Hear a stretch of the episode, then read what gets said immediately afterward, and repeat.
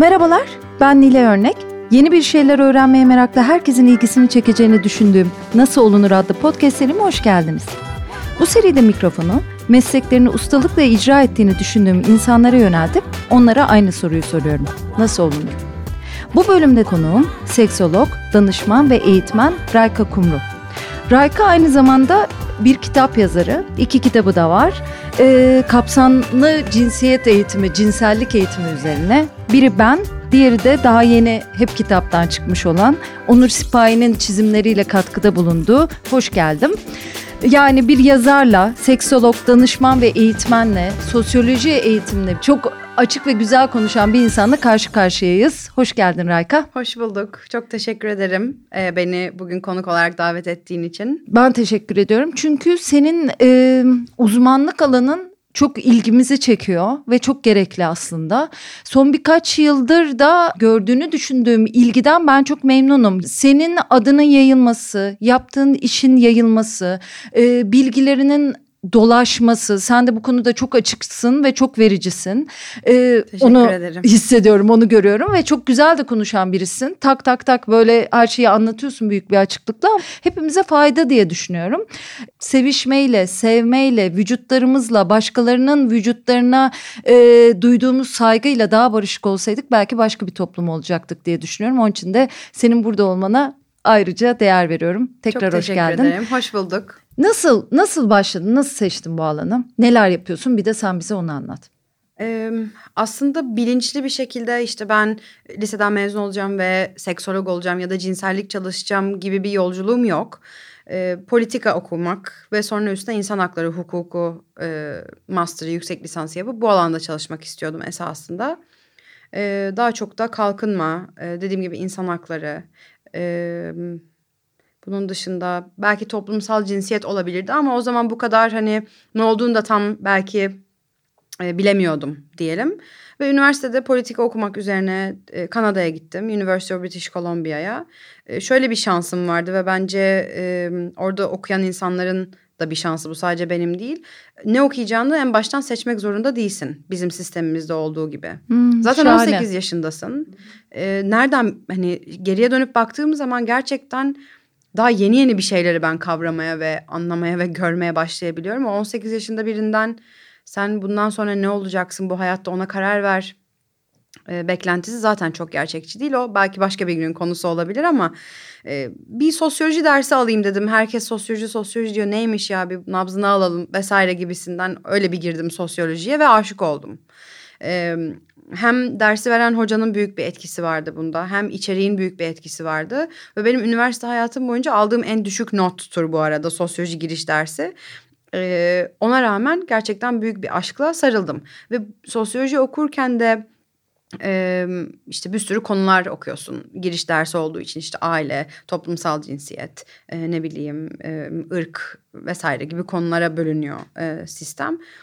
Özellikle cinsiyet toplumsal cinsiyet, cinsellik konularının böyle çok ilgi ilgim olduğunu fark ettim sosyoloji okurken ve üniversitede başka hangi dersler var acaba bu alanda diye bakarken de e, hem psikoloji departmanında hem sosyoloji departmanında hem antropoloji hem aile bilimleri departmanlarında ayrı ayrı bu alana e, yönelik e, hazırlanmış cinsellik dersleri olduğunu görüp hepsine yazıldım.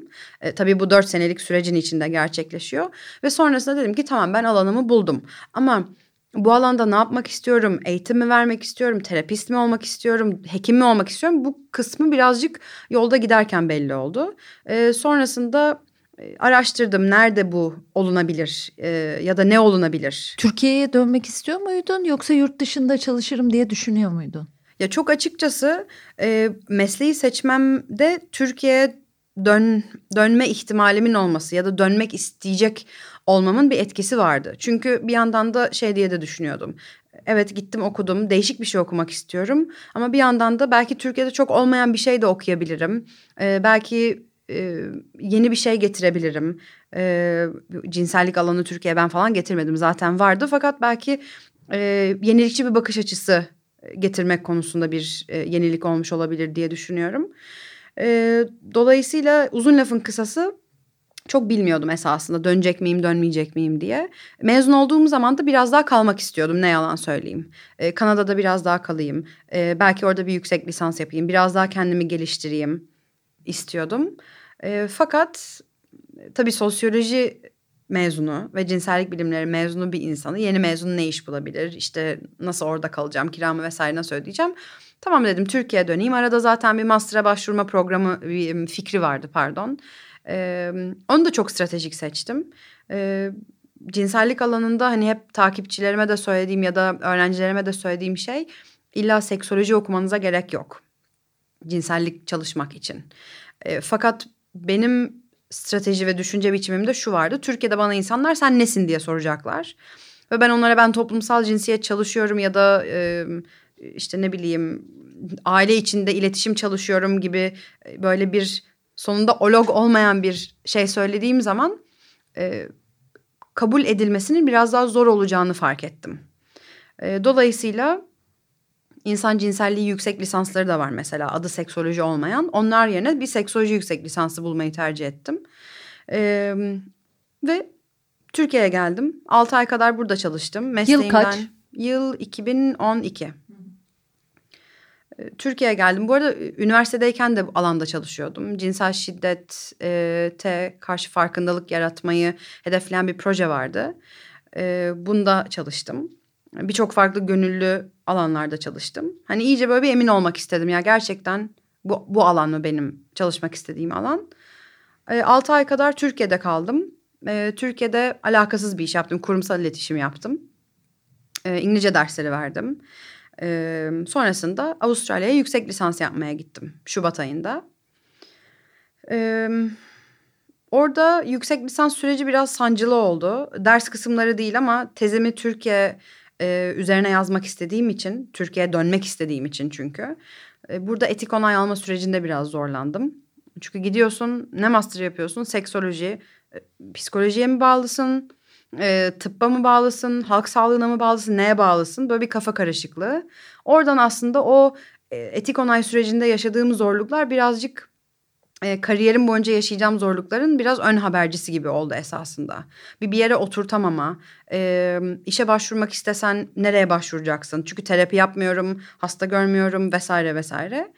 E, ama onu da atlattıktan sonra e, zaten arada çalışmaya başlamıştım alanda e, ebeveynlerden önce çevremdeki tanıdıklardan talep gelmeye başladı. Sonra bir iki okul bir şekilde benden haberdar olup e, gelir misin?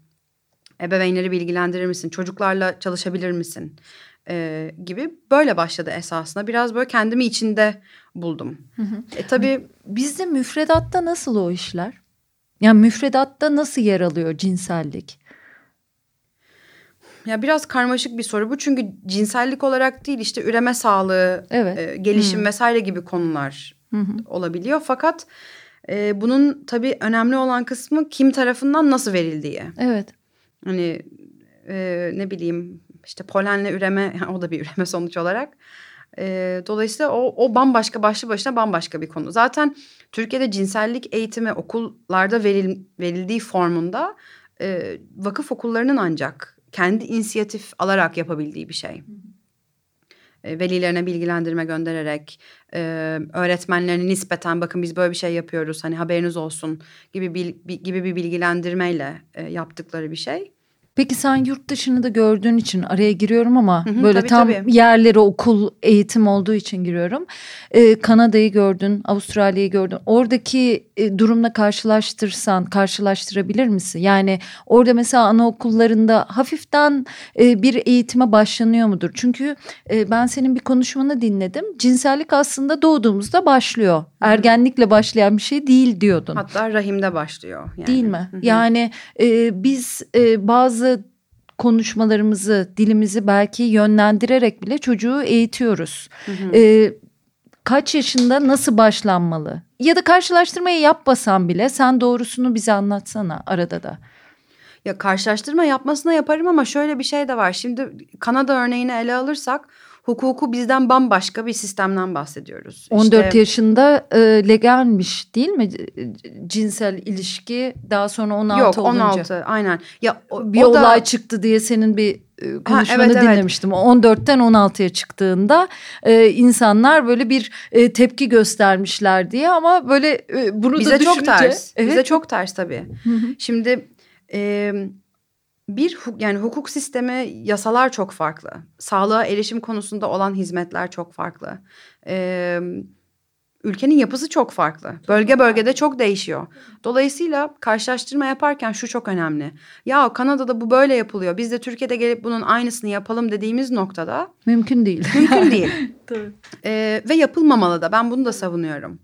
Kanada'da yapılıp bizim de yapmamız gerektiğini düşündüğüm şeylerden bir tanesi çok var ama bir tanesi e, en azından cinsellik eğitiminin e, ya da çocukların gelişimini destekleyecek hani bu cinsellik eğitimi de değil artık. Oraya gelmeden önce bizim öncelikle bir çocukları anaokulundan itibaren yani formal eğitim sistemine girdiklerinden itibaren e, önce öğretmenleri e, ve yöneticileri sonrasında da e, ebeveynler ve çocukları yani bu kolektif bir bir değişim olmalı. Sadece çocuğu eğit yani iki yaşındaki çocuğa beş yaşındaki çocuğa sen eğitim veriyorsun ya da işte bir e, model gösteriyorsun ya da ne bileyim model gösteriyorsun derken bir eğitim modeli sunuyorsun. Ama ebeveyni ve yöneticiyi herhangi bir süreçten geçirmiyorsun. Sabaha kadar uğraşabilirsin. Hı hı. Çok fazla bir onun geri dönüşü e, uzun bir süre olmayacaktır.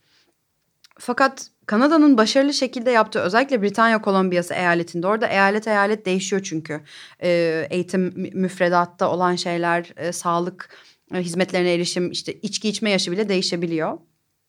Başarılı yaptığı şeylerden bir tanesi bu cinsellik eğitimine evet bu bir insan hakkıdır.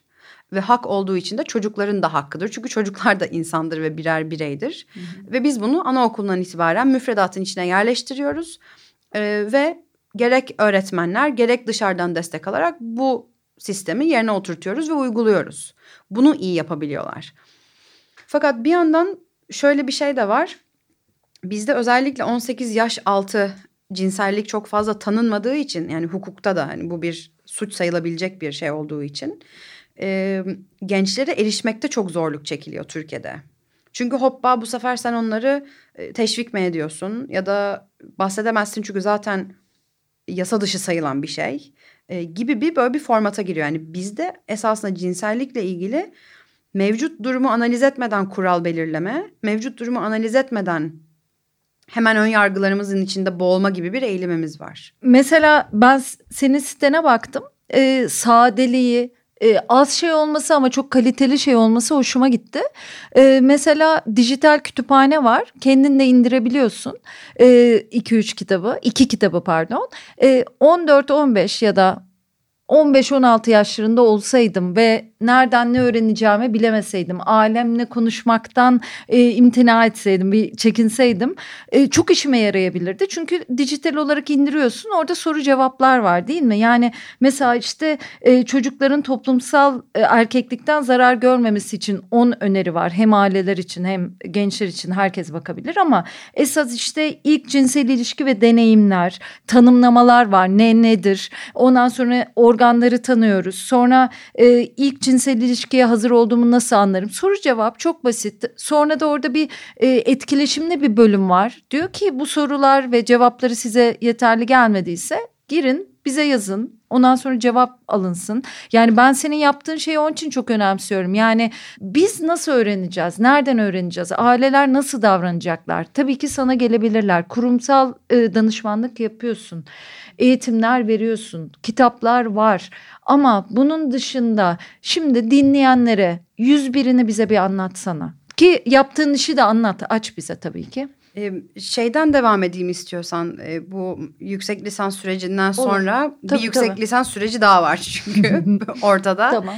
Ee, Türkiye'de çalışmaya başladıktan sonra aslında ilk başta kendime biraz hayrım olsun diye e, pazarlama ve iletişime çok ilgili olduğumu e, fark edip zaten kurumsal iletişimde de çalışmıştım Türkiye'de olduğum dönemde ne kadar çok kısa süreli olsa da e, Bilgi Üniversitesi'nde pazarlama iletişimi yüksek lisansı yapmaya başladım ve tabii e, artık profesyonel çalışma alanım biraz belli olduğu için hep aklımda cinsellik, e, toplum ve cinsiyet, e, toplumsal cinsiyet ve bizim ülkemizin problemleri ve ihtiyaçları olarak dinledim bütün derslerimi. E, ve şu anda esasında e, yaptığım eğitmenliğin dışında daha çok vaktimi ayırdığım e, iş e, kurumlara bu konuda destek olmak. Yani bu bir e, okula kapsamlı bir danışmanlık vermek de olabilir. E, ya da marka ve e, belli oluşumlarla e, proje üretmek, mevcut projeyi yürütmek, e, iletişimin nasıl kapsamlı, kapsayıcı, kimseyi dışlamadan e, yapılmasını e, kuruma bu konuda destek olmak. Ne tür kurumlar bunlar? Mesela o iletişim kuracak kurumlar. Örneğin e, Tıp sektörü mü mesela ya da ya bu ilaç ilaç sektörü e, olabilir. Eğitimle ilgilenen herhangi bir kurum olabilir. Genel e, bunu bir sosyal sorumluluk e, olarak edilmiş. Örneğin şu bile olabilir yani bir yüz temizleme markasıdır ve ergenliğe dair e, bilgilendirme yapmak istiyordur ama nereden başlayacağını bilmiyordur. Çünkü Evet. kimse bunu okulda öğrenmiyor. Hı hı. E, dolayısıyla artık belki de benim de biraz ittirmemle e, tabii küçük çaplı bir ittirme bu. Ben hani e, tek çalıştığım evet bir küçük çap- çaplı bir ekip ve işbirliğinde olduğum kişiler var fakat böyle kurumsal bir yapı değil sonuçta bu böyle e, 20 kişilik 30 kişilik bir ekip değil. Dolayısıyla küçük ittirmelerle artık insanlar şunu da biraz biraz fark etmeye başlıyor. Biz bunu bilmiyoruz. Gelin bir bilene soralım. E, çünkü artık e, hani sosyal yani sosyal medya e, ve platformlarında olan insanlar da e, daha tahammülsüz haklı olarak. İşte bu e, belli markaların çıkardığı ürünleri çatır çutur çok güzel eleştiriyoruz. E, kendini feminist olarak öne atanların aslında arka planda hiç de öyle uygulamaların olmadığını artık görebiliyoruz ve bunları eleştiriyoruz. Biraz daha bir farkındalık ve artık canına tak etmişlik olduğu için e, umuyorum ki bunu yapmayan markalar da bir noktadan sonra artık ya biz nasıl söz konusu insan psikoloji psikolojisi olduğu zaman bir ruh sağlığı uzmanına danışıyorsak söz konusu cinsellik olduğu zaman da bizim deneyimimiz var diye kendimizi alanda yetkin zannetmeyip gerçekten bu işin araştırmasını yapan e, bu alanda çalışan insanlara bir fikir e, danışalım. Zaten korkunç örnekleri görüyoruz işte. E, kadınların oynadığı reklamlara işte kızlar bilmem ne diyor. Hayır biz bu ülkede uğraşıyoruz. Yetişkin olan kişiye kız değil kadın diyebilmek için ve kadın demenin ayıp bir şey olmadığı ve cinsel olarak aktif anlamına gelmediği. E, kaldı ki cinsel olarak aktif olsa bile bunda zaten bir sorun olmadığı gibi gibi. E, dolayısıyla bu dil kullanımı çok çok önemli. Bu alanda danış, bir danışmanlık sağlayabiliyorum ve beraber güzel yol aldığım kurumlar var. E, bunun haricinde görsellik de çok çok önemli. Yani bir bu birazcık medya yani kaynağımız olmamasından da biraz kaynaklanıyor ama işte o kadın ve erkek işaretinden bir kurtulamadık yani. Ne zaman bir cinsellikten bahsedilse, bir haber yapılsa, bir dergide bir şey çıksa hep el ele tutuşan kadın ve erkek ve hep spesifik beden ölçülerinde ve spesifik ten renklerinde ve spesifik e, ifadelerde olan kadın ve erkek. Bir de işte o işaretler kullanılıyor. Bunun haricinde dışarıda bambaşka bir dünya var yani bir bütün ilişkiler bu şekilde değil. E, ikincisi ben ona benzemiyorum. Hı hı. Ve başkası da ona benzemiyor. Ya geçen gün ben e, şimdi Storytel ofisindeyken söyleyeyim bir sesli kitap dinliyorum. E, yazar şunu belirtmemiş. Yani bir ilişkisi olduğundan bahsediyor. Ba- Ya ama bir kadın sonra ben kadın da olabilir erkek de olabilir diye düşündüm ilişkisinin olduğu kişi anlatımından ve dedim ki nasıl bir yani yere gelmişim değil mi? Onu ayırmak için bayağı e, gitmesini bekledim. Hani Bekledim. görsel olarak belki anlardım ama Hani e, kitap öyle başlıyor. Kim kadın kim erkek, kadın kadınla mı birlikte, erkek erkekle mi? Hani resmen böyle bekledim. Öyle düşündüğümü fark ettim. Sonra da bu hoşuma da gitti aslında. Yani ne kadar Evet. güzel bir yere de gelmişim diye. Yani zorlayıcı bir şey. Hep kadınla kadın hani düşünmüyoruz ya aslında. Belki de oluyor işte. Kesinlikle ya zaten bu e, ilk başta bunları fark edip sonra e, düşünmek sonra düşünmemek bile bunu. Düşünmemek işte düşünmediğimi mesele fark o. ettim orada. Çok enteresan. Yani bir geldi. noktadan sonra bunu düşünmediğini düşündüğünü bile düşünmemeye başlayacaksın. Asıl mesele yani orada tamam oluyor artık. Evet evet. E, çünkü onu görmemeye başlıyorsun. Ve bu, bu bir süreç. Benim e, Instagram hesabımda yaptığım işte seks pozitif sohbetler var mesela. Burada seks pozitiflik üstüne konuşurken de bu çok ele alınıyor. Hani Bu bir süreç. Kimse birdenbire e, ben bunu oldum tamam artık ben müthiş kapsayıcıyım ve bundan sonra sırtım asla yere gelmeyecek. Hep kapsayıcı olacağım gibi bir dünya değil. Çünkü e, durağan bir şey yok ortada. Hı hı. İnsan gelişiyor, biz e, daha kolay anlıyoruz. E, bazı insanlar inatla anlamamayı seçiyor. O, oraya diyecek bir şey yok zaten. Dolayısıyla bu bir süreç. Her zaman daha kapsamlı olunabilir. Her zaman daha kapsayıcı olunabilir. Ee, bir de senin dediğin Kanada örneği gibi Türkiye'de tek bir Türkiye değil. İstanbul heh, değil, Ankara değil, öyle. İzmir değil. Onların da köyleri, kasabaları, geldiğimiz yer, kendi ailemiz, kültürlerimiz hepsi o kadar etkili ki. Kesinlikle. Yani e, çok modern açık, eğitimli diye tanımladığımız insanların bu konularda çok açık ve hoşgörülü ve anlayışlı olmasını, bilgili olmasını bekliyoruz ama hiç, hiç öyle değil. Yok. Bir de cinsellik daha da kapalı bir şey. Ben yine seni seyrederek, okuyarak, yazdıklarına bakarak görüyorum ki çok farklı şeyler de var. İşte hani ve benim de kapsayamadığım şeyler de var. Örneğin engellilik ve cinsellik konusu mesela dünya dünyada çok eksikliği çekilen bir konu. Hmm, hmm. Şimdi ben e, yazdığım kitaplarda ya da bir e, çalıştığım kurumlarda vesaire evet elimden geldiğince kapsamlı olabiliyorum. E, fakat hala mesela geçen gün bir ebeveyn e, bir kitap yani bu hoş geldimin imzasına geldi ve dedi ki benim e, çocuğumun işitme engeli var. E, ve işitme engelli olan bir çocuğa evet bu resimleri çok güzel e, ama daha fazlasını yap yapman gerekiyor kitaba ilgisini tutabilmek için. Çünkü e, okuma bilmiyorsa özellikle çocuk henüz o yaşta değilse e, o ebeveyn çocuğunu o kitabı okuyamıyor çünkü çocuk duymuyor onu bu bile esasında bizim aslında ne kadar evet kapsayıcılık o yüzden diyorum hani bir yoldayız. Fakat henüz herkesi her koşulda kapsayabilmiş maalesef değiliz ve bu bizim bir eksikliğimiz. E, ama bunu gördüğümüz ve farkında olduğumuz sürece buna yönelik bir adım atılabilir. Peki e, demin de çalıştığım konulardan biri ilgi duyduğum ve bunun üstüne gittiğim konulardan biri dediğin için ve sosyoloji çıkışlı olduğun için bizim ülkemizin problemleri neler? Yani e, bunu bir çırpıda sayman zor olabilir ama cinsellik konusunda yani ben bazen sana e, en çok sorulan sorular klişe soru sorulduğunda evet. bunu görebiliyorum ama sen söylesene yoksa biz hep böyle gazetelerde ya da internet sitelerinde belli prezervatif firmalarının araştırmalarından öğreniyoruz Türkiye'deki cinsellik e, mevzularını ama evet. öyle değil herhalde. Ki zaten yani bu prezervatif firması olsun olmasın e, yani genelde onu gördüm. Evet evet genelde hani popülerleştirenler bir o bir de işte porno sitelerinin yaptığı araştırmalar var. Onlar da mesela bayağı dünya çapında ses getiriyor. E, orada da şu hani orada da bir dipnot geçmeden edemeyeceğim. Sorulan sorunun nasıl sorulduğu çok çok önemli. Zaten biraz önce dedim yani bir, bir, bir bilene sormak. Ee, bu bir prezervatif firması olabilir ya da bir ilaç firması olabilir.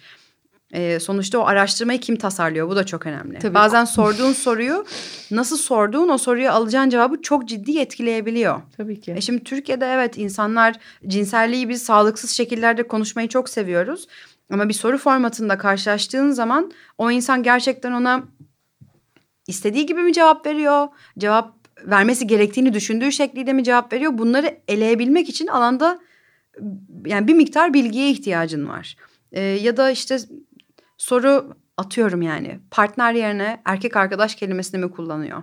Sen o zaten anketi verdiğin kitlenin bir kısmını soru soruş biçiminden dolayı zaten kayıp mı ediyorsun acaba? Tabii yönlendirme falan filan. yani işte bu... Bekir Ardır'la çok konuştuk bunu Konda mevzuunda. Hakikaten cinsellik konusunda onların araştırmalarını da okumak çok isterim. Yani daha da çok güvenirim. Ama bizim gördüğümüz genellikle ya bu böyle belli firmalar ki onların da e, sonuçları aslında ne kadar yansız onu düşünüyorsun. Yani yanlı yaptıklarını söylemek istemiyorum ama senin dediğin gibi onlar başka kriterlerle soruyor olabilirler aslında. Ya bu sadece bu arada markaların değil aynı zamanda araştırma yapan e, kurum ve kuruluşlar için de geçerli olan evet, bir şey evet, bu. Evet. Şimdi sen deterjan araştırması yani tüketici deneyimi araştırması yapmak belki içinde çok daha ön yaz ön daha az ön yargı olan bir konu cinsellik konusuna göre. Çünkü Hı-hı. deterjan konuşuyorsun yani. Ki orada bile eminim benim alanda yani deterjan konusunda uzman olmadığım için ya da işte ev temizleme ürünleri üstüne bir e, ne bileyim strateji çalışmam ya da işte pazarlama iletişimi konusunda özel bir çalışmam olmadığı için benim de bilmeyeceğim bir sürü şey var nasıl varsa. E bu cinsellikte katlanarak gidiyor çünkü sen cinsellikte bir tüketici deneyimi ya da bir araştırma yaptığın zaman sadece o e, nesneye yönelik bir şey de sormuyorsun. İnsanın kalbine ruhuna işliyor bazen soru.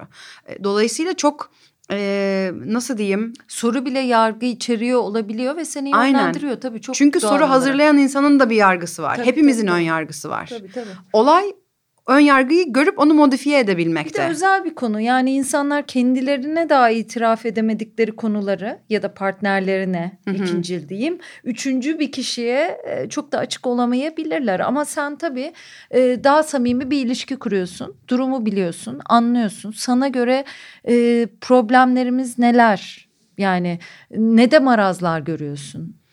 E, bu cinsellik cinsellikle alakalı değil fakat cinselliğe çok yansıtılan ya da yansıyan bir sorun diyelim. Bizim ülkemizde ciddi bir şiddet sorunu var. Ee, bu özellikle son dönemde yani son artık 5-6 son dönemde diyemiyorum daha eskiye de dayanıyor bunun. Her zaman vardı zaten ama son dönemdeki bu görünür oldu belki biraz daha gördüğümüz görünür olmasıyla için öyle düşünüyoruz. beraber çıkan söylemleri çok sıkıntılı buluyorum. Özellikle söz konusu e, herhangi bir şiddet ama kadına yönelik şiddet ve çocuğa yönelik şiddet olduğu zaman işte bu hadım edelim, idam gelsin vesaire yani bir hak ihlali başka hak ihlallerini doğuruyor bu sefer. E, böyle bir şey karmaşası var, bir kavram karmaşası da var. Şimdi, Sen onunla ilgili sözünü kestim ama şöyle bir şey demiştin. Ee, bu aslında cinsellikle ilgili değil, güç gösterimiyle şiddetle ilgili Hı-hı. bir şey. Yani o tecavüz dediğimiz çocuğa yapılan şey ya da işte kadınlara yapılan şeyin aslında hani cinsel bir yönelimden çok şiddet gösterme ve aslında kendi gücünü ispatlama başka Hı-hı. şeylerin bunun altında yattığını düşünüyorsun ve onun hadım edilme gibi bir yöntemle aslında e, çözülemeyeceğini düşünüyorsun evet. gibi hatırlıyorum. Bu bana ait bir düşünce değil bu arada. Bu Hı-hı. yıllardır alanda çalışanların söylediği bir şey evet. ve kanıtlanmış da bir şey. Evet ilgimi çekmişti. Çok önemli evet. bence bir şey. Ama bunu da hani altın çiz bu benim böyle keşfettiğim ya da benim farkına evet. vardığım bir şey kesinlikle değil. Ben senden duyduğum her şey senin zannediyorum. ben, benim olanı söylüyorum olmayanı olmayanı da söylüyorum. Ee, bu böyle bir şey değil kesinlikle. Tabii, tabii. Ee, orada şöyle bir mantık yürütüyor benim anladığım kadarıyla e, izleyen ya da buna maruz e, bu haberlere maruz kalan insan. E, ve bu biraz aslında sözüm ona uzman olması gereken kişilerin de biraz yanlış yönlendirmesinden de bence biz nasibimizi alıyoruz. Bu konuda da çok doluyum bu arada. Ee, onu da belki başka bir zaman konuşuruz. Hı hı Bakıyor ve diyor ki ha işte birkaç farklı görüş var. Bir diyor ki işte kadınlar etek giydiği için çok tahrik edici oldukları için tabii ki de buna maruz bırakılıyorlar. Bu birinci görüş. Ee, yani mağdur suçlayıcılık. Ee, direkt erkekler kendilerine kontrol edemezler. Biz zaten cinsel varlıklarız. E, böyle giyindiğin için başına bu geliyor. Kapansaydın ya da e, o saatte orada olmasaydın. Kırmızı rüş sürmeseydin evet, falan filan. Evet geçemedik o mevzuyu maalesef. Bu görüşlerden bir tanesi. Hı-hı. Yani bir şekilde e, erkeklerin kendilerine kontrol e, edemeyen canlılar olduğu e, ve kadınların kendilerini sürekli çizgide tutmaları gerektiği e, algısı. Bunu zaman zaman çocuklara yansıtan insanlar da var. Ee, işte o çocuk zaten işte ne bileyim ya da genç bir insansa e, zaten ona öpücük atmış, kucağına oturmuş falan filan. Ee, bu görüşlerden bir tanesi. Ee, bir diğer görüş yokluktan dolayı e, cinsel şiddetin var olduğu. Yani işte eşi onunla beraber olmuyormuş, o da çıldırmış. O yüzden de birine e, şiddet uygulamış, cinsel şiddet uygulamış.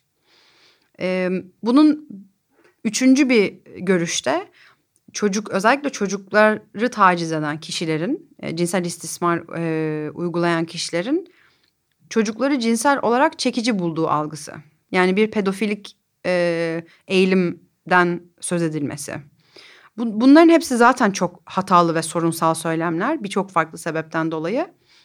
Fakat özellikle benim e, en çok kafa karışıklığına sebep verdiğini düşündüğüm şey bu sapıklık, pedofili ve cin, e, ve tacizci ve fail kavramları arasındaki bir böyle bulamaç esasında.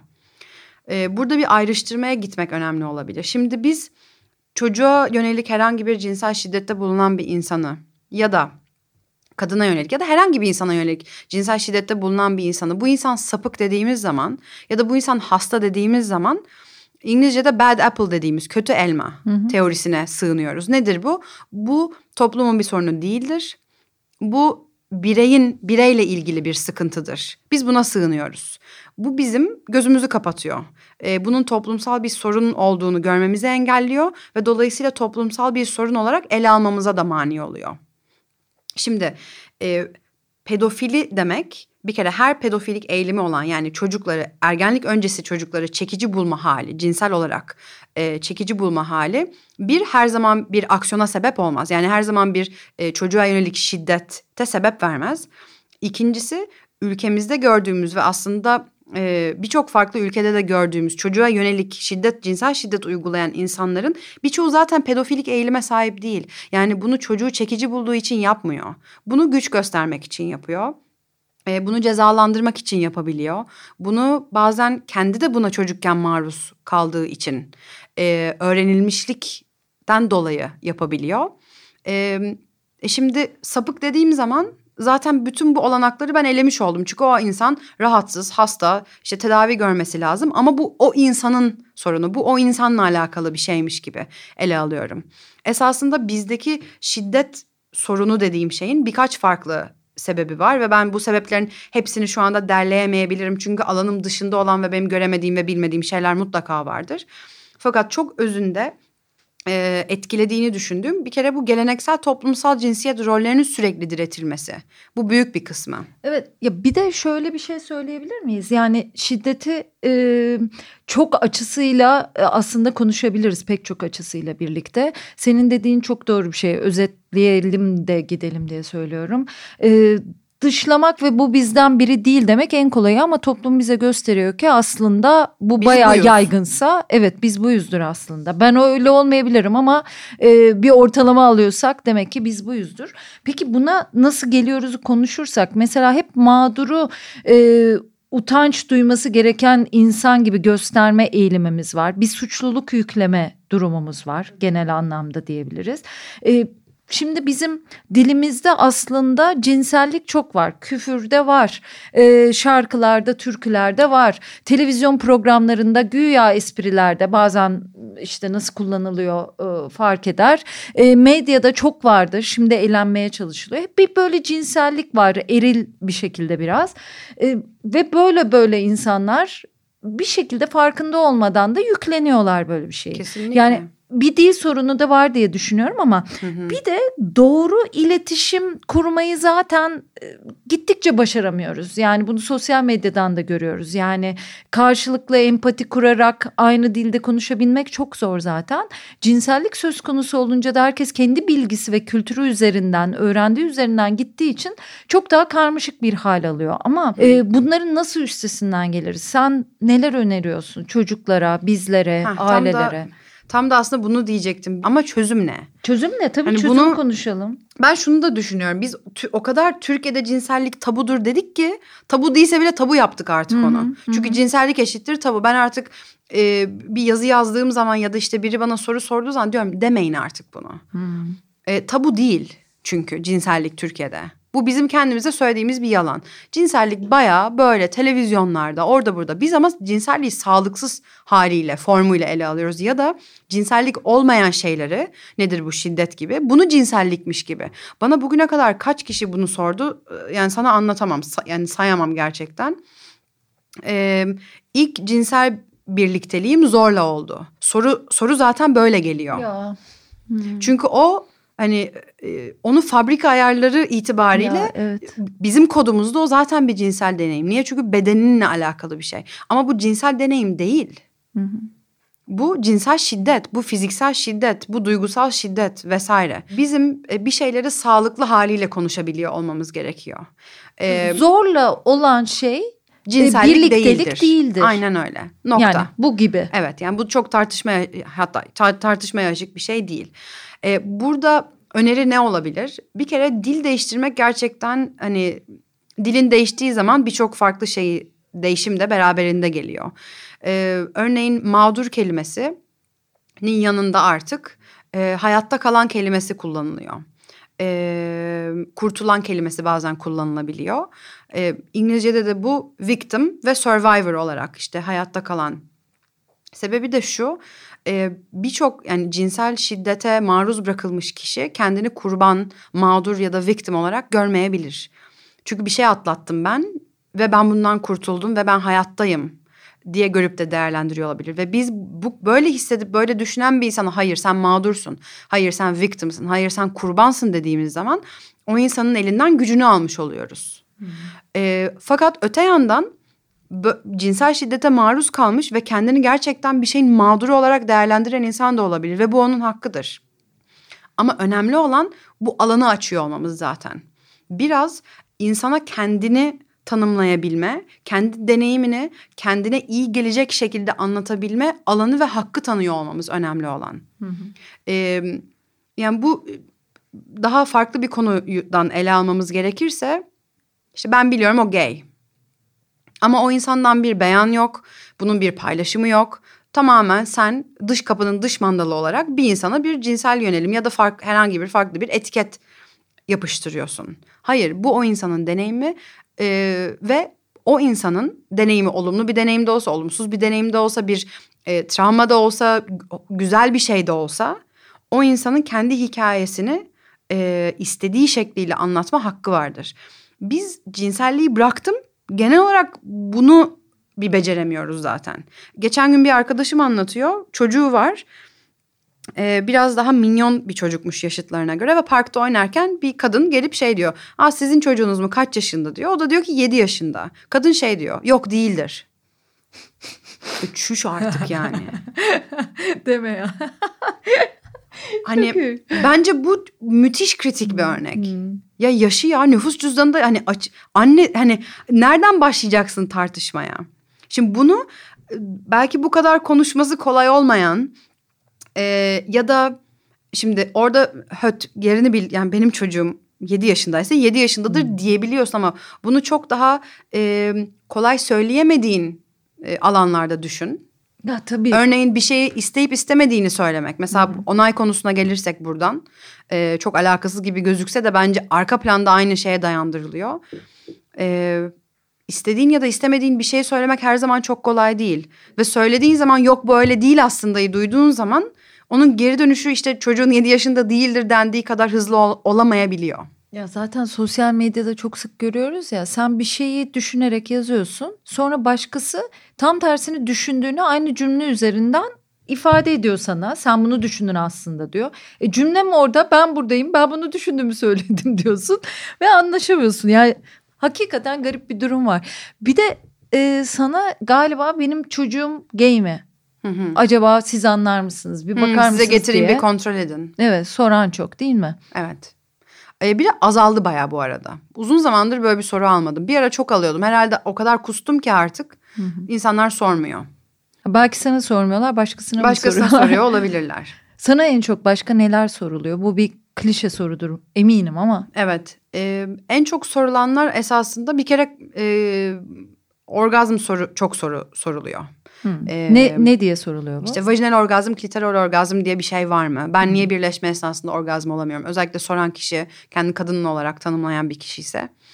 Ee, bende bir bozukluk mu var? Ee, kime gitmeliyim? Bu çok soruluyor. Ee, şöyle bir şey oldu hamile kalır mıyım sorusu çok geliyor. Vücudundaki benim kesinlikle yorum yapmaya yetkim ve yetkinliğim olmayan kanama ya da bir takım belirtilerle ilgili sorular gelebiliyor. Ee, şimdi atıyorum şöyle bir şey soruyorsa işte ne bileyim idrar yaparken canım yanıyor ne yapayım? Doktora git. Bunun kolay cevabı bu. Hı. Çünkü birçok birçok farklı şey olabilir. Benim bilebileceğim birçok şey olabilir ya da hiç bilmediğim hani bir enfeksiyon değil de bambaşka bir şey de olabilir. Atıyorum şu anda. E bunlar çok geliyor. E, ama bu işte çok acil işte üç gün önce şöyle bir ilişkim oldu. Biraz kanama geldi sonra şöyle bir şey oldu. Ne oluyordur acaba vücudumda? Doktora gitmeye korkan bir e, genç kitle de var evet. ortada bu arada. Hı hı. E, kısmen hak veriyorum. Hı hı. E, kısmen onları suçlayamıyorum. Çünkü e, doktora gidip korkunç deneyimleri olan birçok evet. insan tanıyorum. Hani bu ta, tamamen benim kendi özel hayatımda tanıdığım insanlar. E, dolayısıyla bir de bilmediklerim neler neler var. Buraları e, çok düşünmek de istemiyorum açıkçası. Bir yandan da e, işini muhteşem iyi şekilde yapan e, bir sürü doktorumuz var. Dolayısıyla bu bu alanda da çok ciddi bir kopukluk olduğunu düşünüyorum. Yani 18 yaşında ya da 18 yaşının biraz altında olup işte biraz önceki o kanun meselesine geliyor. Yani var olanı var olduğu gibi anlayamamak ve kendimizce yasaklar koymanın bir bedeli bence bu. İhtiyacı var doktora gitmeye ama ben 17 yaşındayım. Doktora gidersem acaba ne olacak? Ailesi Anneme babama mi? bilgi gidecek mi? Hmm. Sevgilimi çağıracaklar mı? Gidiyor mu? Ee, Öyle bir yasayı biliyor musun? Hukuk alanında çalışan biri hmm. bu hasta hakları konusunda özellikle hmm. uzmanlaşmış biri bunu çok daha net söyleyecektir. Örneğin e, işte mesela evli olmayan bir kadının kürtaj için başvurusunda e, herhangi bir ekstra bilgiye ihtiyaç olmadığı e, ama evliyse eşinin onayına ihtiyacı olduğu gibi gibi birçok farklı kural var.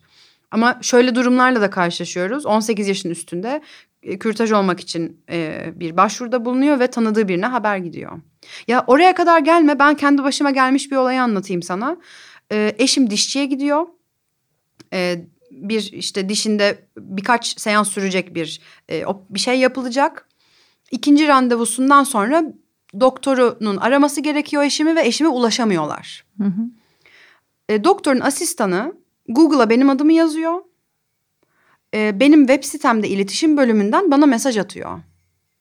Merhaba Rayka Hanım, eşiniz bizim hastamız. Böyle böyle bir şey oldu. Bu yüzden kendisine ile ulaşmamız gerekiyor. Yapamazsın. Bu bir hak ihlalidir. Benim o eşim diye benim e, malım değil o. Sen onun onayı olmadan bana doktorun ismini, cismini bırak herhangi bir bilgisini dahi paylaşamazsın. Ya tabii canım buraya gelene kadar şu anda neler olmuştur. Hani olay şey değil bu arada hani eşiniz bayıldı ve hastaneye götürüyoruz tabii, lütfen tabii, gelin acil. değil bu arada. Hı-hı. Hani bir şey için eşinize ulaşmaya çalışıyoruz. Yani e, bu da şey yani yasa bu konuda çok net bildiğim kadarıyla. Hı-hı. Fakat herhangi bir şey yok. Nasıl diyeyim? E, bu konuda bir mahremiyet algımız. Bu da yine aynı şeye geliyor. Olay cinsellik konusunda, sağlık konusunda değil. Olay bizim kişisel alanlara saygımızın olmaması. Tabii, bu da tabii. tabii ki her şeye yansıyor. Bu her şeye yansıyor. Senin iki siten de var. Senin kurduğun bildiğim kadarıyla tabukamu.com bir de çok iyi geçiş yaptın bu arada. Öyle mi? İyi o zaman. Baktın ki çok doluyum. işin içinden çıkamayacağız. Yok bu ben kendimden korkuyorum. Yani bu podcast'in dinleyicileri biraz bilir. bu konularda çok hassasım. Tamam. Ee, ya, ya da kitaplarımı okuyan şimdi ikinci kitapta da bu. Tamam ben daha çok hava pompalamıyorum o zaman. Hayır kesinlikle öyle. Yani e, o kadar doluyum ki kendimce öyle bir geçiş yapmak istiyorum. Çünkü okay. hakikaten bir nabzımız düşsün. Evet, nabz tamam. bende de çok doluluk var o konuda çünkü. Ya ben sıraya girmede bile evet, yani evet, evet. kişisel alandan bahsediyorum. Ya, Deliriyorum evet, ben. O hikayeleri evet. Neyse o çok dolu evet, olduğum için sana açıklamak ve regl hikayelerine geri dönelim. Tamam.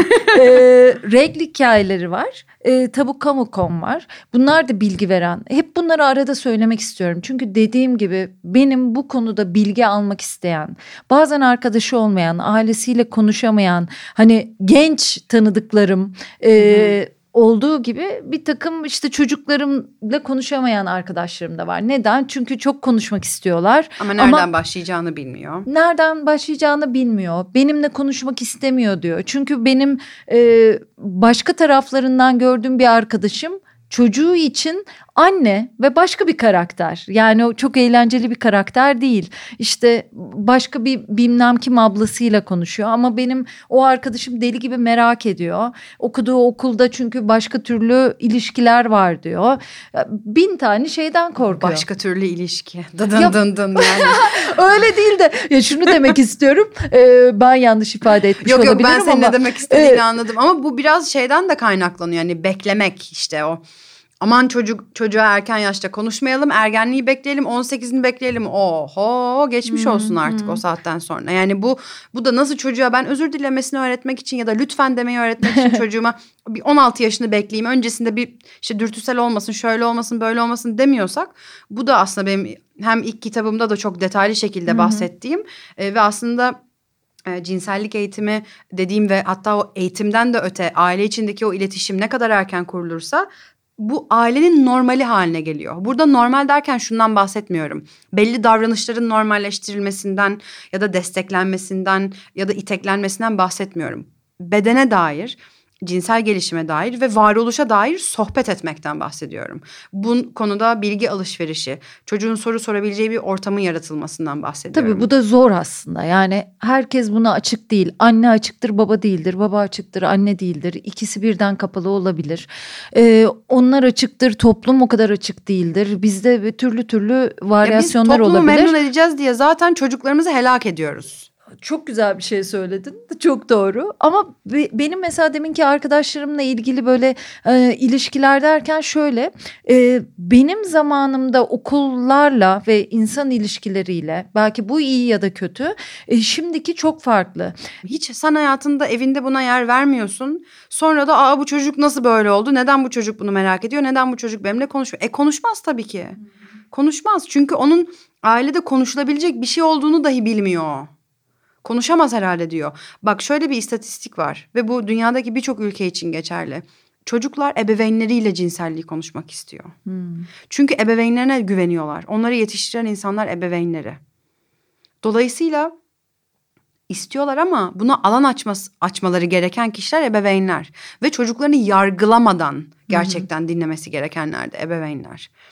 Ama tabii ebeveynleri de böyle dıptızlak bırakıyoruz tabii onları da desteklenmesi gerekiyor. Çünkü onlar da kendi yani bu ebeveynlik nasıl öğrenilen bir şeyse evet belki içimizden bir yerlerden bir kısmı geliyordur. O konuda çok bir yorum yapamıyorum ama nasıl görürsen öyle devam eden bir sistem olduğunu ve e, kırılması güç olan, destek alınarak değiştirebilecek, evrimleşebilecek falan filan bir şey olduğunu varsayarsak e, cinsellik konusunda da bu böyle sen evinde ayıp aman vesaire gibi gördüysen ve bunu sorgulamadıysan çocuğuna zaten otomatik bunu aktaracaksın. Hı hı.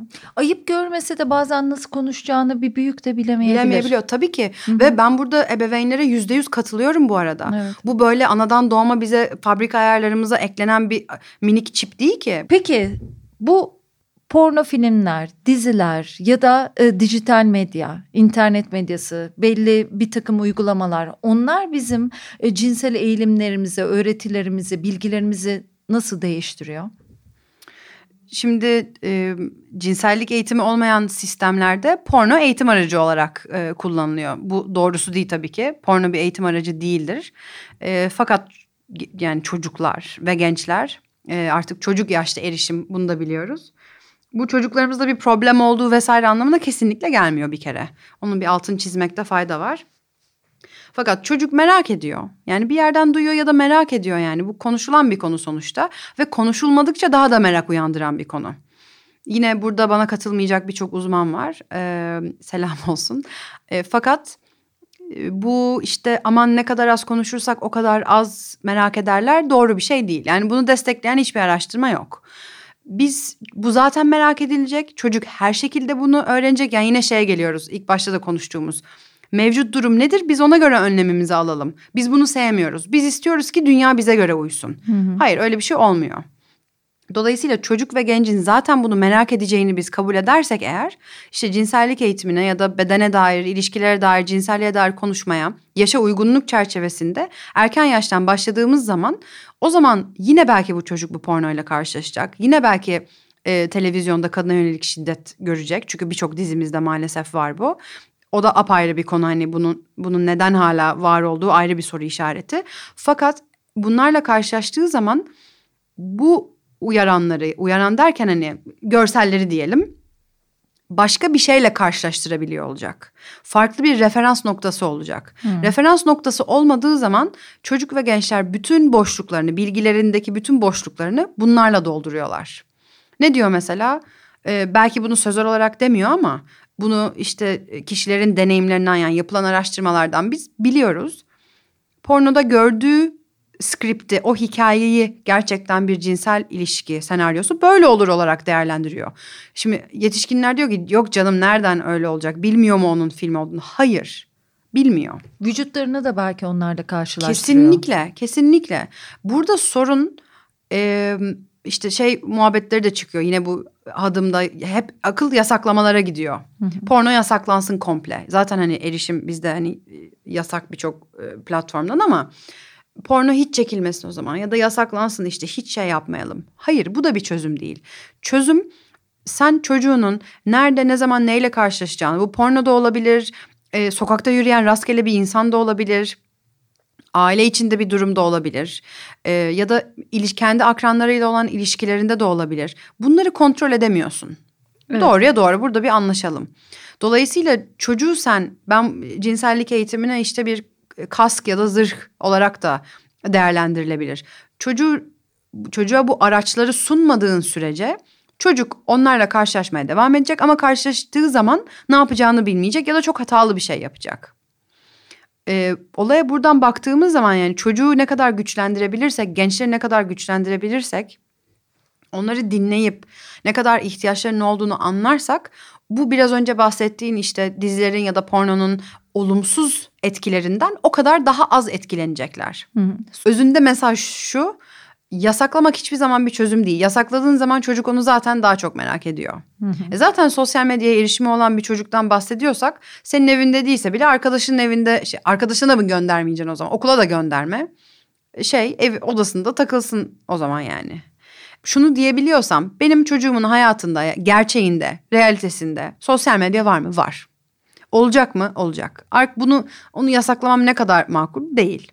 O zaman ben bu çocuğa öyle araçlar ve öyle beceriler sunabilmeliyim ki öyle stratejiler elinde olmalı ki bu çocuğun ya da bu gencin potansiyel bir olumsuzlukta bu yanlış bir, bir siteye girmek de olabilir istemediği bir şeyi görmek de olabilir. Birinin ona e, istemediği bir mesajı atması illa cinsel içerikli bir şeyden bahsetmiyorum bu arada.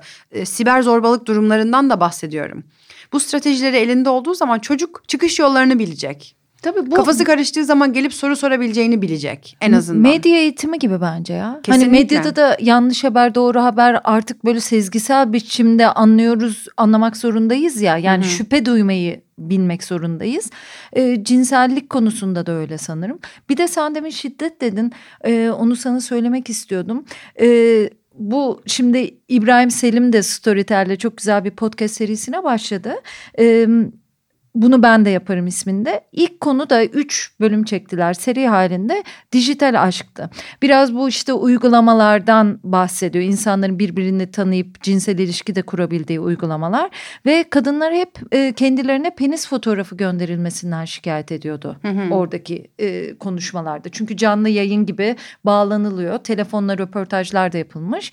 E, sen de bunu şiddet olarak nitelendiriyorsun değil mi? Kesin. Ben değil yani.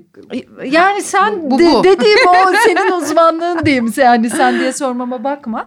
Ee, o zaman e, bir de Şöyle sıralamalar yaparsak ya da biraz özetlemeye geçersek e, genellikle senin ya da uzmanlığının e, şöyle dediğini de görüyorum. Aslında herkesin kendi cinselliği kendine yani nasılsa herkesin işine kimse karışamıyorsa e, aslında belirli kriterler yok. İşte şunlar cinsel gücü arttırır mı meyve ve sebzelerden tutalım da ondan sonra ilişki şöyle mi yaşanır orgazm böyle mi yaşanır ee, bunların belli kriterleri yok. İnsanın kendi vücuduyla barışık olması kendini tanıması ilişkide karşı tarafa saygı duyması ve bir sevgi e, alt metinde bence mutlaka şart. Her zaman olmak zorunda değil. Yani şunu demek istiyorum dünyaya karşı bir sevgiden şiddetsizlikten ha, evet, bahsediyorum. Şiddet, İlla ki aşk ve sevgi değil de yani bu ağaca da olabilir. Yani sevgisizlikte kastettiğim benim bazen o olabiliyor. Yani yöneticilik mesela her konumdaki yöneticilik için biraz dünyaya sevgi gerektiğini anladım, düşünüyorum. Anladım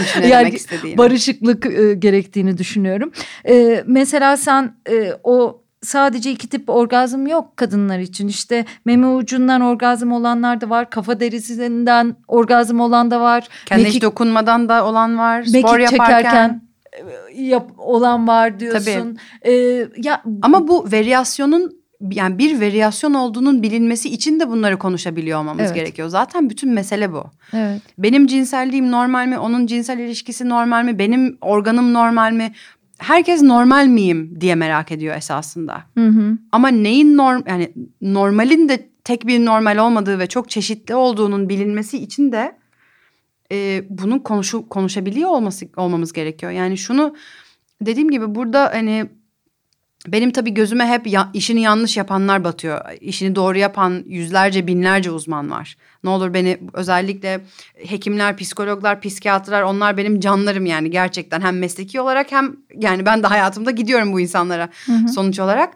Fakat işini yanlış yapan kritik insanlar olduğu zaman Tabii. işte gelin vulvanızı düzeltelim. Hayır kardeşim vulvanda senin bir terslik yok. Yani fonksiyonel ciddi bir soruna sebep vermiyorsa bir sorun yok. Asimetrik olması bir sorun değil. Çünkü herkesin vücudunda çift olan her şey asimetrik. Ama şimdi sen kalkıp bilmem kaç takipçisi olan biri gelip sana gel kırpalım da tatlı yapalım da pembiş yapalım da işte simetrik yapalım da diye bilgi sattığı zaman işte o zaman insanlarda paranoya oluyor. Çünkü e, diyor ki sen onu diyorsun ama bu da başka bir şey diyor. O, o da operatör, o da doktor, o da psikiyatr, o da bilmem ne. Dolayısıyla burada esasında buraya nereden geldiğimi hatırlamıyorum ama ha kafa karışıklığı ve bunları konuşa hani doğru şekilde konuş, konuşamıyor olmamız. Burada tabii önüne gelenin ne istiyorsa yapabildiği bir ortamdan bahsediyoruz profesyonel anlamda da. Ya kendi cinsel terapist diyen jinekolog var ya bizim ülkemizde. Böyle bir şey olabilir mi? Sen e, gerekli e, e, terapi eğitimini almadıktan sonra e, millet kan alıyor klinik psikolog olacağım diye. Kaç yıl uğraşıyorlar. Süpervizyonu var bunun bir sürü eğitim var. Adını bilmediğim bir sürü farklı e, kriteri var vesaire. Geliyor orada altı haftalık bir eğitime katılıyor ve ben bir tarafta jinekolojik muayenesini yapıyor, perdeyi çekiyor. Yan tarafta tamam diyor şimdi psikoterapi yapıyoruz. Ya da işte ben sizin ilişki danışmanlığınızı yapacağım. Ya tabii çok çok çok çok e, zor Yani bir dünya. saldım tabii. çayıra tam dıgıdık dıgıdık kim nereye ne istiyorsa yapıyor. Ve bunu çok itibar sahibi uzmanlar da yapıyor. Evet o kötüymüş. Yani keşke her yerde daha rahat konuşabilsek. Türkiye'nin pek çok yerinde. Yani hani bu ülkede damacanayla e, seks yapmaya çalışan insan da gördük. Hayvanları zorla böyle e, seks amaçlı kullanmaya çalışan insanlar da görüyoruz ve bunu normalmiş gibi şeytana uydum kelimesiyle e, savuşturmak isteyen insanlar da görüyoruz. Yani bizim konuştuğumuz şey bile çok fazla uçuk gibi gelebiliyor. O kadar insani ve normal olması gereken bazen de biraz şehirli konuştuğumuzu düşünüyorum ki çünkü Türkiye'nin her yeri yüzde yüz. e, Bu, e, böyle değil. Keşke Kesinlikle. Burada, senin verdiğin eğitimleri yani onun için senin internette olmanı ben çok önemsedim. Ama de- yani bu kapsayıcılık konusu yani demişken ben şimdi ben Türkiye'nin her yerindeki insana eşit derecede hitap ediyorum diyemem. Çünkü edemiyorum. Çünkü bilmiyorum benim atıyorum mesela Mardin'de çalışma deneyimim yok. Evet. Ya da ne bileyim e, Trabzon'un daha e, ne bileyim köylerinde atıyorum şu anda. Sallıyorum Evet evet. yerleri. İl ayrımı yapmadığını İl ayrımı yapmadan. Hani, e, burada çalışma deneyimim yok. Dolayısıyla biraz da e, evet burada da çok kısıtlı kalıyoruz biz. Çünkü sen dedin ya demin topluma kendimizi beğendirmek zorunda hissetmek çok kötü bir şey. Hep topluma kendimizi beğendireceğiz diye aileler hatta çocuklar. E tabii e, başka illerde başka köy ve kasabalarda toplum da farklı. Toplum daha Kesinlikle. kapalı. Evet biz Türkiye'yiz ama Türkiye'de herkes aynı değil ki. E, bu zaten tek bir insanın, tek bir derneğin ya da bir kuruluşun falan üstlenebileceği bir şey değil. Bu uzman uzman uzman dememin sebeplerinden bir tanesi de bu. E, Yönlendiriciler. ya, e, aynen. Ne kadar etkili. Elinde o gücü olan insanlar ve to- doktorlar, psikologlar, psikiyatrlar e, yani şimdi sorunlu bir şey de söylemek istemiyorum. Çünkü bir yandan evet çok saygı duyulan insanlar ama bir yandan onlar da çok şiddete maruz kalıyor. Hı hı, Bir de böyle bir boyutu var. Tabii. O doktor da diyor ben o muayeneyi yapmasam beni vuracaklar silahla geliyorlar diyor Hmm. ofisime. Mesela bekaret kontrolünden Heh, bahsediyorsun değil mi? mesela aynı Evet. şekilde. Ee, bu sadece bekaret muayenesi tırnak içinde bekaret muayenesi için değil birçok farklı konuda da var. Bunlar Geri sus bakayım. hani Susuyorum Rayka. Kendime bak zor tutuyorum. O kadar doluyum ki ben ya. de hava bas ba- vermeyeceğim gazı dedim yine şey oldum. Fakat hani ben de konuşurken şeyi fark ediyorum hani tamam Rayka çok konuşuyorsun da çözüm ne desen Tamam yani çözümü konuşalım. sistematik bir şeye ihtiyacımız var ama onun çözümü bende de Tamam değil. şunu konuşalım. Biz e, Tabu kamu ve yerleri. ben yine Tamam, oraya döneyim. O tamam, güzel bir çözüm Gerçekten bak. ondan konuşalım. Evet. Yani olabilecek çözümden konuşalım. Hatta öyle bitirelim. Öyle söyleyeyim. Yani biz sürekli sorundan konuşarak e, çözüm ne durumunda böyle kalarak kendimizi de mutsuz ediyoruz. Başka insanlar da Kesinlikle. mutsuz oluyor. Hiç bunu yapmayalım. Senin çözüm için yaptığın bir şey var. Gerçekten minör siyaset denilen bir kavram da var. Nasıl ki toplumda e, bütün her şeyi bir şeylerin siyaset eliyle düzelmesi gerekiyorsa yani senin alanında bile öyle, cinsellikte bile öyle. Kesinlikle. Yani onda bile çok etkili yönetenler, siyaset. Ee, ama biz kendimiz minör ne yapabiliriz? Kendi oturduğumuz yerden küçük aileler, çocuklar ben ne yapabilirim? Ben burada seni konuk ederek bunu konuşarak bir alan açmaya çalışıyorum. Pek çok insan da onu yapmak istiyor. Ben e, YouTuber, podcaster pek çok insanla erkek ya da kadın gördüm seni o genç insanlara ben buradan da teşekkür edeyim. Hepsini insanlar seyretsin. Çok güzel kendi hayatlarından örnekler, tecrübelerinden örnekler, ön yargılarından örnekler vererek sana sorular soruyorlar. Bu da kolay kesinlikle, bir şey değil. Kesinlikle. Benim çok hoşuma gitti böyle genç insanlar olması. Ya bu bunlar küçük öncülükler aslında. Onlar rahatlıklar değil. Gülerek yapıyor olabilirsiniz o yayınları ama aslında zor kesinlikle, işler bunlar. Kesinlikle. Yani sen de biz de gülmezsek çatlayalım mı o zaman e, tabii, yani? Tabii çok eğlenceli de oluyor. Daha keyifli izleniyor. Sen kendi bir kadın olarak e, kendi seksolog sıfatıyla titriyle ilgili olarak pek çok sorun yaşamışsındır muhtemelen. Hani garip şey. E, bunları Dolayısıyla aşarak, buna gülmek de benim hakkım. Çok hakkın ve e, sonuçta bunu sen çözümsüzlük için değil belli çözüm için yapıyorsun belli. Yani şimdi burada bu yayını ben sana e, bir saatini almama rağmen e, bir ücret vermeden yapıyorum. Niye? Bunu sen pek çok yayına öyle gidiyorsun değil mi? Kesinlikle. E, nedir? Herkese anlatmak için yoksa ya kardeşim ben sadece kurumsal danışmanlık veriyorum. Bu anlatacaklarım zaten ücretli de anlatırım diyen bir insan da olabilirdim. Bunların hepsi çözüm. Rayka çok önemli şeyler. Ki bunu bunlar. demekte de bir sorun yok bu arada. Onu da hiç söyle. yok Evet. yani e, hiç yok. Bu, bunun Çünkü için biz- söylüyorum. Sen yani- bunu genel anlamda ne kadar e, çözüm için yaptığını söylemek için söylüyorum. Yani çok teşekkür ederim. Çok hassas özellikle son dönemde belki artık alanda bir süredir olmanın verdiği ve e, artık tepemin tasının atmasıyla da alakalı şeyden de çok sıkıldım. E, bunu da yap. Oldu canım. Hmm, tabii canım ama Ha, o senin hak bu- şeyin bu oluyor, konuya da görevin değin. oluyor. Ama Görevin bu konuya oluyor. hiç değinmiyorsun. Ben hiçbir konuya değinmek zorunda değilim. Tabii, ben tabii. insanlara zarar vermeyecek şekilde işimi yaptığım sürece, tam tersine yarar sağlayacak bir şekilde yaptığım sürece ben bunu söylüyorum. Ben Türkiye'deki herkesin e, nasıl diyeyim e, hayatına eşit derecede temas zaten öyle bir şey yok edemem. İkincisi etmek zorunda da değilim. Ben kendimce yapabildiğimce, e, vakit ayırabildiğimce, elimden geldiğince e, kapsayıcılık yolculuğumda geldiğim noktaların e, verdiği kuvvetle ve tabii ki çevreden aldığım destekle ve özellikle beni takip eden yani muhteşem mesajlar atan e, muazzam insanlar sayesinde benim gücüm 2x'tir. Başkası çıkar 5x'tir gücü. Yolu açık olsun yani helal olsun. E, sırtına kuvvet yani ne Sana diyeyim görev ki? alıyor değil mi? Bir süre sonra onu da söyle Hay- bunu da Aynen söyle. bir de bunu arsızca soruyor. ya Tabii, bugüne tabii. kadar kaç tane kurum, özel kurumun bana bütçemiz yok ama ile başladığı cümle kurduğunu sana anlatamam. Ya biz gazeteciyiz düşün. Yani Bütçemiz tabii yok ama yazar mısınız? bütçemiz yok, ama röportaj. işte bir yıl bizde şu eğitimi ver. Hayır kardeşim ya bütçen yoksa beni arama o zaman. Tabii tabii. Ya tabii. özel kurumdan bahsediyorum tabii Çok ki. iyi anlıyorum ama işte senin aslında öyle yapman gerekirken öyle olması Bu gerekirken normali. normaliyken e, insanlara o bilgini paylaşma e, aşkın diyeyim yani benim çok hoşuma Ya gidiyor. ben işime Gördüm. aşığım diye Tabii, sana tabii, çalışmak zorunda değilim. Orası da tabii orası da öyle. Ama seni izleyen pek çok insan pek çok şey öğreniyordur. Açtığım bu iki site de biraz onlardan bahset. Tamam. Instagram hesaplarına da baktım. Çok güzel. Ee, çizimlerle anlatıyorsun. Ee, biraz orada konuşulanları anlat. E, Tabukamı benim aslında Türkiye'ye döndüğüm zamandan itibaren hatta belki dönmeden bile gerçekleştirmek istediğim bir projeydi. E, Türkiye'de Türkçe dilde gençlerin erişim sağlayabileceği ve kapsamlı, bilime dayalı, değerlere saygılı bir cinsellikle ilgili kaynak yok. E, evet bölük pörçük şeyler var atıyorum bir sitenin blogu vardır başka bir sitenin bilmem ne köşesi vardır ama en temel bilgileri dahi işte şu enfeksiyon nedir, belirtisi nedir, korunma yöntemleri nedir, nasıl kullanılır ya da işte e, biri birinden ayrılmak istediğin zaman şöyle bir şeyle karşı, karşılaşıyorsan burada senin sorumluluğun, hakkın vesaire nedir gibi konuları çok kapsamlı bir şekilde ele alan bir web sitesi tabukamu.com. Şahane.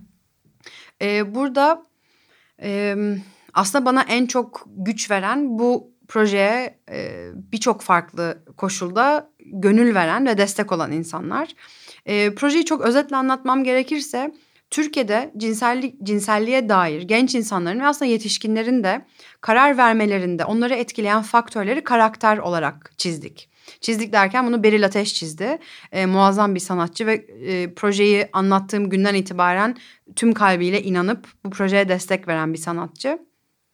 E, bunlar gerçekten insan insana benzeyen formda karakterler. Bir tanesi duygularımızı sembolize ediyor. Bir tanesi toplumsal değerleri ve el alem ne der kaygımızı te- sembolize ediyor. Bir tanesi akran desteğini ya da baskısını. Bir tanesi aklımızı ve mantığımızı. Bir tanesi dürtülerimizi e, ve bir tanesi kişisel değerlerimizi Çok sembolize güzel ediyor. olmuş. Kişiselleştirme ben de çok beğendim Çok onları. teşekkür ederim. Bu karakterler de aralarında sohbet ediyorlar. Çok hem güzel. aklının içinde dolanan o işte bin tane fikri sembolize ediyorlar. Hem de bir arkadaşlarınla bir yerde kahve içerken sohbet ederken onlardan gelebilecek yorumları yani aslında etraftan duyduğun şeyleri de bir yerde sembolize ediyorlar. Ve bunların arasında e, sana bu site e, aradığın cevapları da sunuyor ayrıca. Diğer Ee, siteye geçelim. Regl hikayeleri. Regl hikayeleri sitesi de tamamen regl olma deneyimini, sürecini e, normalleştirmeye, daha doğrusu normalleştirmekten de öte ya insanlar regl olmaya dair ne düşünüyor, ne deneyimliyor, kaç yaşında regl oluyor, e, regl olduklarında ne yapıyorlar, ne yapmıyorlar vesaire gibi soruları insanlardan hikaye formatında toplayan bir web sitesi. E, site yaklaşık 6 aydır açık.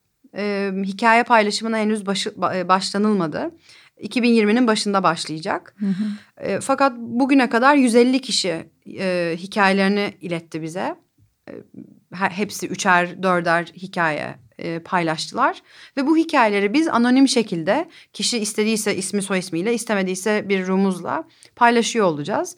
E, bir sloganımız şey e, saadet zinciri değil adet zinciriyiz. güzel. Tamamen regl olan insanların e, birbirlerine destek olabileceği bir platform. Bunu işte kadınlığa, cinsiyete ya da çiçeğe, böceğe, börtüye bağlamadan e, anlattığımız aynı zamanda regl olmaya dair e, dünyanın dört bir yanından güncel bilgi edinebil insanların edinebileceği bir platform olarak kuruldu. Şahane. İşte e, belki de normal kelimesi e, çok önemlidir bu yaptığın işte. Nedir? Biz küçüklükten itibaren vücudumuzu tanırken karşılaştırma istiyoruz. Değil mi? Ya da cinselliği tanırken başkaları nasıl yapıyor? Ben doğru yapıyor muyum? Benim vücudum normal mi? Gibi işte o normal miyi ya ben normal miyim? Yani doğru mu yapıyorum o anlayacak bir takım kriterler lazım. Yani işte senin açtığın bu iki site de belki onun için çok güzel bir başlangıç. Belki de başlangıcın üstünde bir seviyede güzel bir şey. Senin e, yaptığın işe ne kadar saygı duyduğumu söyleyebildim ara ara diye düşünüyorum. Biraz çok da çok konuştum. ederim. Çok sağ ol. Ee, ama çok önemli. Ee, tabii ki Türkiye'de e, her yere, herkese e, çok güzel öğrenin, bunları uygulayın, e, herkese saygılı olun demek biraz politik doğruculuğa benziyor. Herkes her şeyi yapamayacak, bunu da görüyoruz, biliyoruz ama e, yani kendimize eğitmek, anlamak, bilmek, başkasına sevgi ve saygı duymak çok önemli bir şey. Bunlar da klişe gibi duruyor ama hakikaten öğrenilmesi gerekiyor özellikle cinsellik mevzuunda.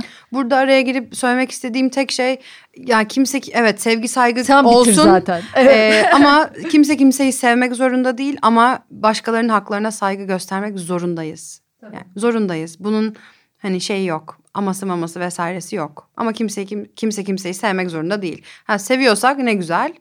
Ee, ama sevmiyorsak da o o insanın sınırlarına, o insanın varoluşuna saygı göstermek zorundayız. Evet. Çok sağ ol. İyi ki geldin. Çok, Çok- teşekkür ediyorum. Ben teşekkür ederim. İyi ki çağırdın. Ee, umarım dinleyenler için de keyifli bir sohbet olmuştur. Aynen. Ee, kendinizi e, konuştuklarımızdan gazlanmış hissederseniz eğer lütfen bunu dinledikten sonra e, bir e, çıplak ayak toprağa basın ya da bir yürüyüşe gidin, bir deniz kenarına inin, bir derin nefes alın, bir meditasyonunuzu yapın ya da koşun e, ya da boksunuzu yapın neyse bir rahatlayın. E, çünkü bu da bir, birikiyor insanlarda dinledikçe. Evet kafa sallıyoruz çok katılıyoruz. Evet Tabii, tabii. evet çok haklılar ama bir yandan da insan ee şimdi ne yapacağız Yok, e, ne gibi hissedebiliyor ama söylüyoruz. Biz negatif tarafından konuşmuşsak da e, podcast hiç kıskanç bir şey değil. Onun için çok seviyorum. Yani başka kaynakları da öneriyorsun. Diğer podcastlerden bahsediyorsun. Gazeteleri, dergileri, isimleri söylüyorsun. Çünkü çeşitli medya kuruluşlarında bunu yapmazsın. Yani çok çalışmış bir insan olarak söylüyorum. Burada bunu çok rahat yapıyoruz. Rayka Kumru yazın. E, ve eğlenceli bölüm seviyorsunuz. Eğlenceli bölüm dinleyin. Daha ciddi bölüm seviyorsanız onu dinleyin, ona bakın. Ama sonuçta bakın, öğrenmeye çalışın. Güzel bir kaynak. Özellikle genç bir insansanız kimle konuşacağınızı bilmiyorsanız. Gençle şunu da kastetmeyeyim. E, cinsellik konusunda bir şeyler öğrenmek istiyorsanız, kendinizi tanımak istiyorsanız mutlaka o yayınlara bakın diyorum. Her bölüm bence yararlı olsun. Yararlı olmak istiyorum. E, bundan sıkılırsanız başka bir şeye daha eğlencelisine bakın. Ama mutlaka bu konulara bakın. Hepimiz için önemli. Aynı toplumda yaşıyoruz diye düşünüyorum. Sağ ol. çok teşekkür ederim. Sağ olun.